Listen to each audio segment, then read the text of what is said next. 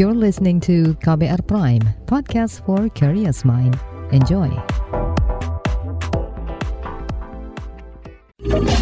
Kamu lagi dengerin What's Trending KBR Pagi.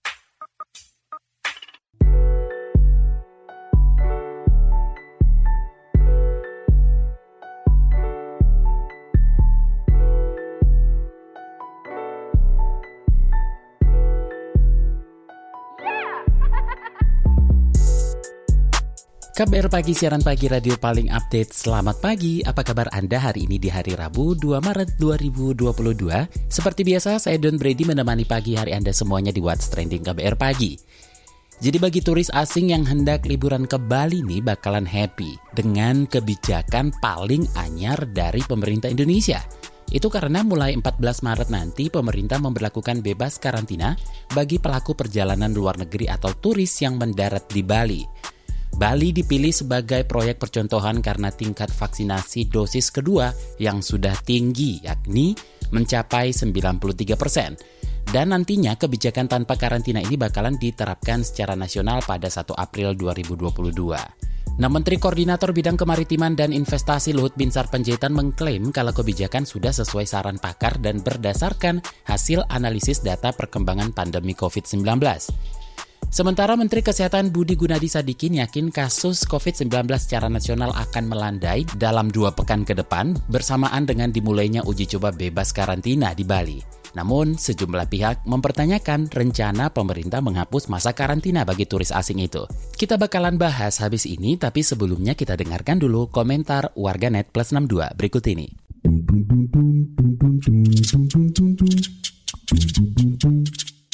Pertama ke akun at Kim Nunazi per 1 April tanpa karantina for all airports. Wow. Nah akun at DJ3NGO1 kok harus di April kenapa nggak di Maret?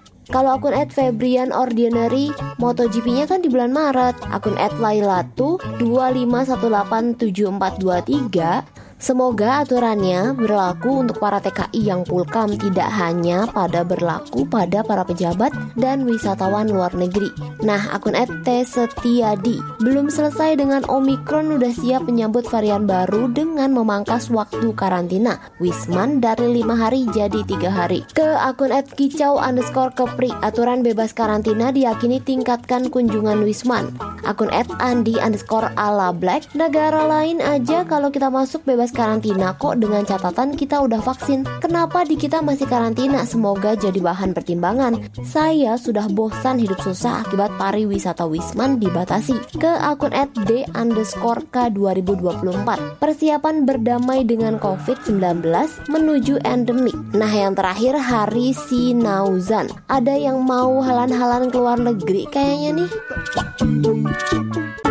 What's Trending KBR Pagi. Kita lanjutkan obrolan kita pagi ini. Jadi Menko Marves Luhut Binsar Panjaitan pada konferensi pers 27 Februari 2022 lalu mengklaim kasus harian COVID-19 di Indonesia lebih rendah dibandingkan negara-negara yang sudah menerapkan bebas karantina. Namun pemerintah Indonesia masih hati-hati dan memantau perkembangan COVID-19 sebelum menerapkan kebijakan peniadaan karantina bagi PPLN.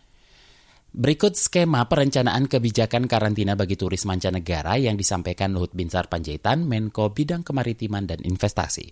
Dalam data yang kami peroleh, jika dibandingkan dengan negara yang sudah tidak lagi memperlakukan karantina, kasus harian per populasi Indonesia sebenarnya lebih rendah dari negara-negara tersebut. Namun case fatality rate Indonesia yang masih relatif lebih tinggi dari vaksinasi lengkap terhadap populasi yang ada masih lebih rendah dari negara-negara tersebut. Dengan berbasis data tersebut, pemerintah tetap menggunakan pendekatan kehati-hatian dan bertahap dalam menentukan penyesuaian karantina PPLN. Setelah mendengar masukan dari para pakar dan juga menganalisa data-data yang ada, maka pada 1 Maret mendatang, pemerintah hanya memperlakukan karantina tiga hari bagi PPLN yang sudah vaksinasi lengkap dan juga booster. Selain itu, pemerintah juga akan melakukan uji coba tanpa karantina bagi PPLN yang datang ke Bali dan direncanakan akan berlaku pada tanggal 14 Maret mendatang dengan beberapa persyaratan di antaranya. Bisa saja 14 Maret ini kita percepat ke tanggal berapa, kalau data-data nanti selama minggu ke depan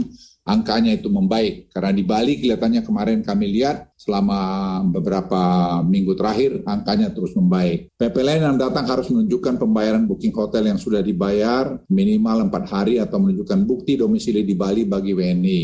PPLN yang masuk harus sudah divaksinasi lengkap atau booster. PPLN melakukan entry PCR test dan menunggu di kamar hotel hingga hasil tes negatif keluar. Setelah negatif, PPLN dapat bebas beraktivitas dengan prokes tetap diterapkan. PPLN kembali melakukan pre-test, PCR test di hari ketiga di hotel masing-masing. Ini sebenarnya untuk keamanan kita bersama. Event internasional akan dilakukan di Bali selama masa uji coba tanpa karantina ini akan menerapkan ketentuan tes antigen tiap hari terhadap peserta tanpa keterkecuali. Selain itu akan dilakukan pencabutan kewajiban adanya sponsor penjamin untuk permintaan e-visa turis karena dinilai memberatkan wisatawan asing yang akan masuk Target 14 Maret 2022 dapat kita percepat satu minggu jika dalam evaluasi minggu depan tren kasus menunjukkan hasil yang membaik. Secara spesifik, pemerintah memilih Bali sebagai lokasi uji coba proyek percontohan dikarenakan tingkat vaksinasi dosis kedua umum yang sudah tinggi dibandingkan provinsi lainnya. Namun dalam masa persiapan menuju tanggal 14 Maret, kami akan terus mengakselerasi dosis kedua lansia booster. Jika uji coba di Bali berjalan baik, kami akan perluas kebijakan tanpa karantina di seluruh Indonesia sejak 1 April atau lebih cepat dari 1 April 2022. Namun sekali lagi kebijaksanaan ini akan dilakukan berdasarkan data perkembangan pandemi ke depan. Nah, sementara itu Menteri Pariwisata dan Ekonomi Kreatif Sandiaga Uno mengklaim penerapan kebijakan itu guna mengangkat pertumbuhan ekonomi di sektor pariwisata yang sejak pandemi COVID-19 terpuruk. Menurutnya, pertimbangan kondisi pandemi dan mitigasi resiko diutamakan sebelum kebijakan ini diterapkan. Ini dia pernyataan selengkapnya pada Weekly Press Briefing 21 Februari yang lalu. Rencana penghapusan karantina masih terus kita kaji dan kita ingin memberikan panduan bahwa jika semuanya berjalan baik bulan April mudah-mudahan kita bebas karantina tapi ini juga akan kita monitor secara ketat minggu per minggu dan pemerintah akan menggunakan data dan scientific evidence dari para pakar dan ahli untuk menentukan kebijakan ini karena yang utama adalah isu kesehatan. Oleh karena itu mohon dukungan semua pihak untuk menjaga kondusivitas dari penanganan pandemi COVID-19. Tingkatkan protokol kesehatan dan harapannya agar bebas karantina ini menjadi pemicu kebangkitan ekonomi kita, pembukaan peluang usaha yang lebih luas lagi sehingga tercipta lapangan kerja. Menteri Investasi Kepala Badan Koordinasi Penanaman Modal, Balil Lahadala, mengungkapkan sektor pariwisata menjadi sektor yang paling terpuruk angka investasinya selama pandemi COVID-19 berlangsung. Untuk mengatasi efek pandemi ini, pemerintah mengklaim sudah memberikan berbagai insentif untuk menaikkan gairah pariwisata Indonesia. Namun, Bahlil merasa Indonesia masih punya keuntungan dengan penyebaran potensi investasi pariwisata di beberapa daerah seperti Bali dan Nusa Tenggara Barat, sebesar 39 persen, Jawa 36 persen, Sumatera 17 persen, Sulawesi 4 persen, serta Kalimantan sebesar 2 persen. Di sisi lain, ahli epidemiologi dari Universitas Griffith Australia Diki Budiman meminta pemerintah berhati-hati dalam menerapkan rencana peniadaan karantina – sebab karantina menjadi faktor penting penanganan wabah penyakit menular. Selain itu, Diki menilai faktor keamanan pembebasan karantina tidak hanya dilihat dari laju penyebaran COVID-19, melainkan kesiapan penerapan kebijakan tersebut. Kepada KBR, berikut keterangan dari Diki Budiman. Keputusan apa pun terkait karantina menjadi harus betul-betul dipertimbangkan matang berbasis indikator epidemiologinya ataupun aspek lainnya ya aspek lainnya itu termasuk misalnya kesiapan ya kesiapan infrastruktur. Misalnya di Bali penghapusan awal Maret dari sisi indikatornya siap nggak ketika dibuka di dalam tuh harus siap. Bukan hanya kondisi secara umum aman tapi siap dengan potensi ancaman yaitu status atau landscape imunitasnya. Harusnya menurut saya yang jadikan dasar saat ini sudah harus dua dosis atau tiga dosis. Yang minimal harusnya 70 persen. Minimal ya, ini karena 70 persen berbasis cakupan WHO. Kemudian yang tiga dosisnya atau booster itu pada kelompok lansia dan komorbid yang harus minimal 50 persen. Itu yang sangat mendasar. Selain tentu nanti dilihat angka hunian rumah sakit, ICU, dan juga bagaimana tes positivity rate-nya. Harusnya tes positivity rate-nya udah kalau mau dibuka dihapuskan itu bukan 5%, harusnya sudah di bawah setidaknya tiga persen, bagus lagi di bawah satu persen. Itu dari sisi indikator. Dan dari sisi kesiapan ya siap menghapuskan itu bukan berarti nggak ada screening kan, screeningnya tetap, misalnya tes, misalnya juga suhu dan juga ada sampling sistem. Ya. Jadi kalau menghapuskan itu bukan berarti benar-benar orang itu bolak-balik nggak ada screening sama sekali. Enggak, pandemi ini belum berakhir. Kemudian tes ya bahwa dia di sebelumnya juga dites pas kedatangan juga dites supaya dia tahu tidak infeksius terus ada nggak sistem di dalam negeri misalnya di Bali yang bisa memantau keberadaan dia memantau posisinya dengan peduli lindungi itu bisa nggak dia kita ini bedakan kita pantau nah ini yang harus disiapkan dan yang bisa menjawab pemerintah. Kalau sudah bisa itu ya bisa. Karena memang kita kan harus melakukan pemulihan, tapi ya pemulihan yang terukur dan tidak menyebabkan situasi menjadi lebih buruk. What's trending KBR pagi? Use me. Rezim Taliban menyatakan larangan evakuasi warga Afghanistan dan menutup jalur evakuasi. Juru bicara Taliban, Zabihullah Muhajid mengklaim menerima laporan warga Afghanistan yang mengungsi di Qatar dan Turki mengalami kehidupan dan kondisi yang buruk. Ia berdalih pelarangan evakuasi warganya sebagai bentuk perlindungan. Melansir AFP, pemerintah Taliban merasa perlu bertanggung jawab dan melindungi rakyatnya. Taliban mengklaim akan memberikan kepastian kehidupan masyarakatnya hingga tidak merasa terancam. Sehari setelah Korea Selatan mendeteksi peluncuran rudal balistik, Korea Utara dikabarkan tengah melakukan serangkaian uji coba pengembangan satelit pengintai. Melansir KCNA, pengembangan satelit pengintai ini memiliki karakteristik akuransi sistem fotografi definisi tinggi, perangkat kontrol sikap, dan sistem transmisi data. Dikatakan satelit ini akan melakukan pemotretan vertikal dan miring dari area tertentu di bumi. Pada 27 Februari lalu, Korea Utara disebut melakukan uji rudal balistik ke area timur. Ini dilaporkan penjaga pantai di Jepang dan Kepala Staf Gabungan Korea Selatan. Peluncuran rudal ini mengkhawatirkan pihak Korsel sebab isu ini tidak diperhatikan karena persoalan invasi Rusia ke Ukraina. Hong Kong mengumumkan akan menyesuaikan diri dengan kondisi penyebaran virus COVID-19. Otoritas Kesehatan Hong Kong akan mengizinkan warganya melakukan tes antigen mandiri untuk memastikan kesehatannya. Pengetesan mandiri ini dilakukan untuk melonggarkan antrian panjang di pusat-pusat pengetesan virus COVID-19. Menteri Kesehatan Hong Kong, Sofia Chan, mengatakan saat ini penyebaran corona sulit dikendalikan, bahkan kasus harian mencapai angka 17 ribuan. Meski kasus COVID-19 sudah tergolong tinggi, sejumlah ahli memperkirakan angka kasus harian di Hong Kong bisa mencapai 180 ribuan kasus di bulan Maret ini. What's trending KBR pagi? Rencana penghapusan karantina demi turis asing yang itu yang kita obrolin pagi ini. Jadi kalau Indonesia baru merencanakan pembebasan karantina bagi pelaku perjalanan luar negeri, nah beberapa negara di dunia malah sudah menerapkannya. Kanada, Norwegia, Belanda, Singapura hingga Thailand sudah menerapkan kebijakan bebas karantina bagi pelancongnya. Thailand sendiri memperlakukan kebijakan test and go sejak 1 Februari 2022 bagi wisatawan yang sudah divaksin COVID-19. Jadi pelancong yang datang ke wilayahnya diwajibkan menjalani pengetesan COVID saat hari kedatangan dan lima hari setelahnya. Kebijakan ini diberlakukan untuk menghidupkan kembali wisata Thailand yang mati karena penyebaran virus COVID-19. Nah, untuk melihat bagaimana potensi penerapan kebijakan bebas karantina di Indonesia dan apakah akan berdampak positif pada gairah sektor wisata, langsung saja kita obrolin bareng Ketua Ikatan Cendekiawan Pariwisata Indonesia, Azril Azari. Bagaimana nih Pak, Anda melihat pemberlakuan karantina tiga hari saat ini dan rencana pembebasan karantina bagi turis mancanegara nanti? Yang pertama, masih berada di tengah-tengah Omikron yang tinggi di kita. Pemerintah tidak konsisten terhadap peraturan peraturannya. Terutama Jokowi kan presiden kita sudah menyatakan bahwa keselamatan rakyat adalah hukum tertinggi. Itu harus dipegang harusnya. Tetapi kita ingin mengangkat, mengalahkan kesejahteraan masyarakat ataupun protokol kesehatan, tetapi kalah dengan ekonomi. Nah, ini artinya saya melihat bahwa mulai dari 14, kemudian turun 7, 5, ya sekarang tiga hari, nah kemudian Nah, kemudian tanggal 14 nanti akan dicoba katanya akan dihilangkan untuk karantina ini. Ini salah satu hal yang menurut saya kurang elok karena di tengah-tengah kegiatan transmisi dari lokal itu sudah sangat tinggi sekali.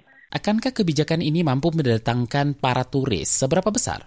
Saya kira turis itu sudah bijak sekali mereka. Mereka akan khawatir terhadap juga transmisi di mereka sendiri. Ya. Jadi berarti mereka juga kan harus hati-hati sekali. Walaupun kita sudah membebaskan masalah visa juga kan ya. Nah itu juga sudah dan juga sekarang kita vaksin juga untuk di kita. Tapi mereka jelas tidak sangat wise sekali mereka. Kalau mereka mau terpapar dengan kita sedangkan kita lokal saja jadi mereka akan berdampak, lokal itu akan berdampak juga dengan wisatawan asing. Karena mereka dengar di siaran-siaran media mereka bahwa di kita naik eh, dengan Omikron. Sedangkan kita waktu Omikron saja belum masuk di kita, baru satu dua orang saja itu bisa lolos gitu. Ternyata transmisi Omikron kita yang terbesar adalah lokal. Padahal Omikron bukan dari lokal. Nah kalau kita jaga bandara kita pada saat itu mungkin tidak akan masuk ke kita Nah ini aja satu hal case yang menurut saya sangat pelajaran yang sangat pahit. Penyebaran di dalam negeri ini akan membawa dampak untuk luar negeri sangat karena mereka juga aware kan bahwa terjadinya transmisi lokal di kita ini kok tinggi amat gitu. Nah ini yang mereka juga khawatir. Saya yakin ini dengan liburan panjang mulai Senin sama nanti hari Kamis juga. Nah ini kan agak sedikit betul-betul menjadi dilema dan ini akan menjadi perhatian ya, ataupun evaluasi bagi luar negeri yang mereka juga khawatir juga untuk ke Indonesia ini apa bisa mencegahnya itu. Jadi untuk di dalam saja tidak bisa dicegah gitu, apalagi kalau untuk turis luar gitu. Nah ini kan jadi masalah. Nah yang berikutnya itu harus dikaitkan antara itu tadi PCR itu dengan kewajiban kita karantina tadi itu yang harus diutamakan sekali sebenarnya. Kalau melihat risikonya bagaimana? Bukankah bisa menggenjot pariwisata nih karena beberapa negara juga sudah mulai longgar? Mereka itu pengawasannya ketat sekali. Di kita coba. Saya aja pergi mendampingi Pak Sandiaga Uno itu waktu saya pulang balik itu ditanya juga tidak gitu. Saya nggak sebutkan lah beberapa bandara gitu. Nah jadi itu yang saya khawatirkan di kitanya sendiri kecuali kalau kitanya sudah siap Contoh sederhana, masuknya Omikron itu kan dari luar. Waktu hanya baru satu orang, dua orang saja katanya lolos, wah ini bahaya saya bilang. Satu dua lolos menyebar ke transmisi jadi transmisi lokal, bukan transmisi luar negeri dirinya. Nah itu pertanda bagi kita ketidakawasan kita. Orang kita pintar, epidemiolog kita pintar kita bahkan mereka sudah wanti-wanti.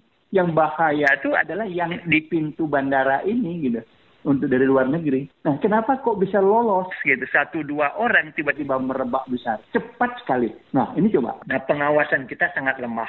Siapa yang akan mengawasi pelaksanaan PCR maupun antigen itu di bandara? Terutama kan kita ke luar negeri itu kan harus PCR. Nah, bagaimana? Saya mencoba pergi beberapa ke daerah saya mendampingin juga Bapak Menteri Sandiaga Uno. Tetapi waktu balik dari, dari daerah itu itu ada daerah-daerah yang malah tidak menanyakan lagi antigennya ataupun PCR. Nah ini suatu hal di mana pengawasannya ini siapa yang dilakukan. Nah ini barangkali yang sangat berat bagi kita pengawasan terhadap penyelenggaraan untuk PCR masuk ke Indonesia ini. Berikutnya adalah kalau saya melihat bahwa harusnya kaitan terhadap kita sebut PPLN ya, itu pelaku perjalanan luar negeri di bandara, itu harusnya secara baik sudah dijalankan. Saya melihat masih sangat perlu dikembangkan atau perlu ditingkatkan lagi atau diperkuat lagi.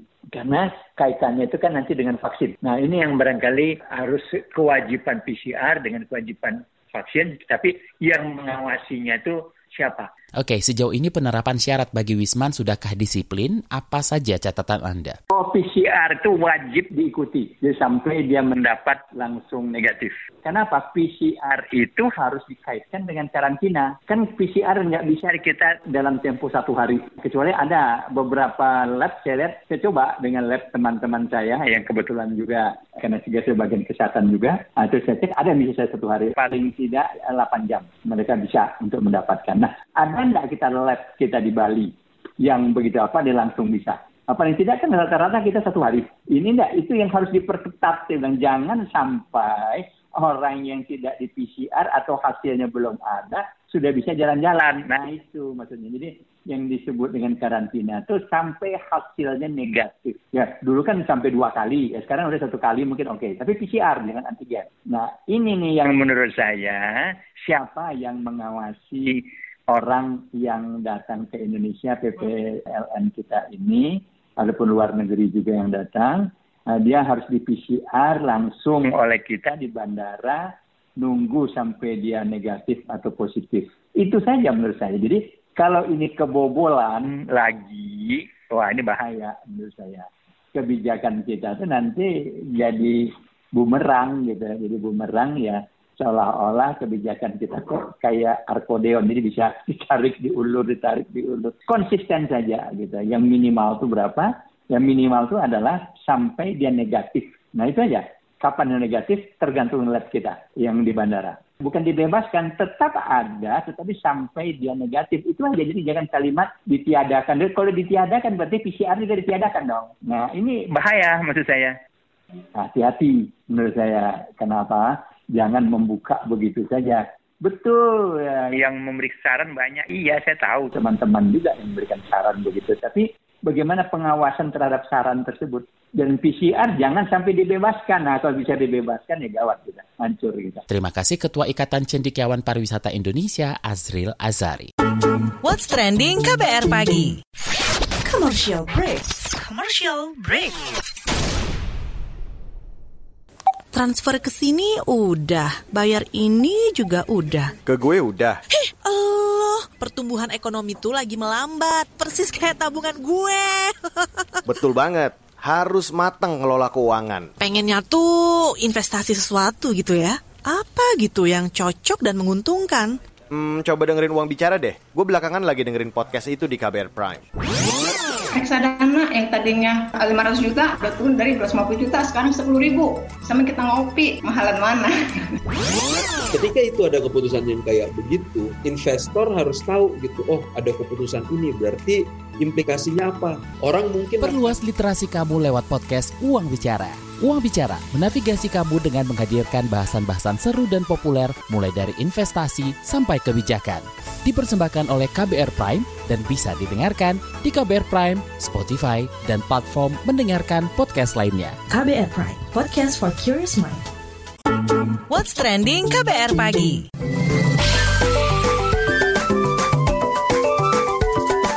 WhatsApp Indonesia. WhatsApp Indonesia dimulai dari Aceh. Menteri Kooperasi dan UKM Teten Masduki mendorong pengembangan kualitas produk dan pemasaran kopi Aceh agar menembus pasar global. Beberapa masalah dan kendala yang kerap dihadapi para petani kopi, di antaranya musim panen kopi yang kerap bersamaan dengan turunnya musim hujan, sehingga kualitas kopi yang tengah dijemur menurun. Petani di Aceh mengungkapkan perlunya rumah jemur kopi atau greenhouse untuk menjaga kualitas dari kopi. Kualitas ini dianggap akan mempengaruhi harga kopi di pasaran domestik maupun ekspor. Ketua Koperasi Produsen Gayo Highland Abdullah mengungkap margin yang diterima koperasi dan para petani kopi masih belum maksimal karena ekspor masih melalui perantara atau mitra. Ia meminta agar pemerintah membantu kemandirian ekspor kopi bagi para petani di wilayah Aceh. Menanggapi permasalahan tersebut, Menkop UKM Teten Masduki mengusulkan yang berhubungan langsung dengan buyer bukan petani, melainkan koperasi petani kopi. Menkop UKM menyebutkan bahwa arahan Presiden Jokowi untuk memperkuat sektor pangan nasional dengan membangun corporate farming di seluruh Indonesia di mana tak ada lagi petani-petani perorangan berlahan kecil yang berhubungan dengan buyer. Menteri Teten mengatakan, koperasi-koperasi petani kopi atau primer yang ada di Aceh Tengah bergabung menjadi satu membentuk satu koperasi sekunder dan menciptakan satu pintu masuk pasar ekspor. Selanjutnya menuju Jakarta, pemerintah akan melakukan sero survei alias pemeriksaan antibodi pada masyarakat. Menteri Kesehatan Budi Gunadi Sadikin mengatakan, survei dilakukan untuk menentukan kebijakan saat Idul Fitri. Pemeriksaan antibodi rencananya dilaksanakan pada Maret ini.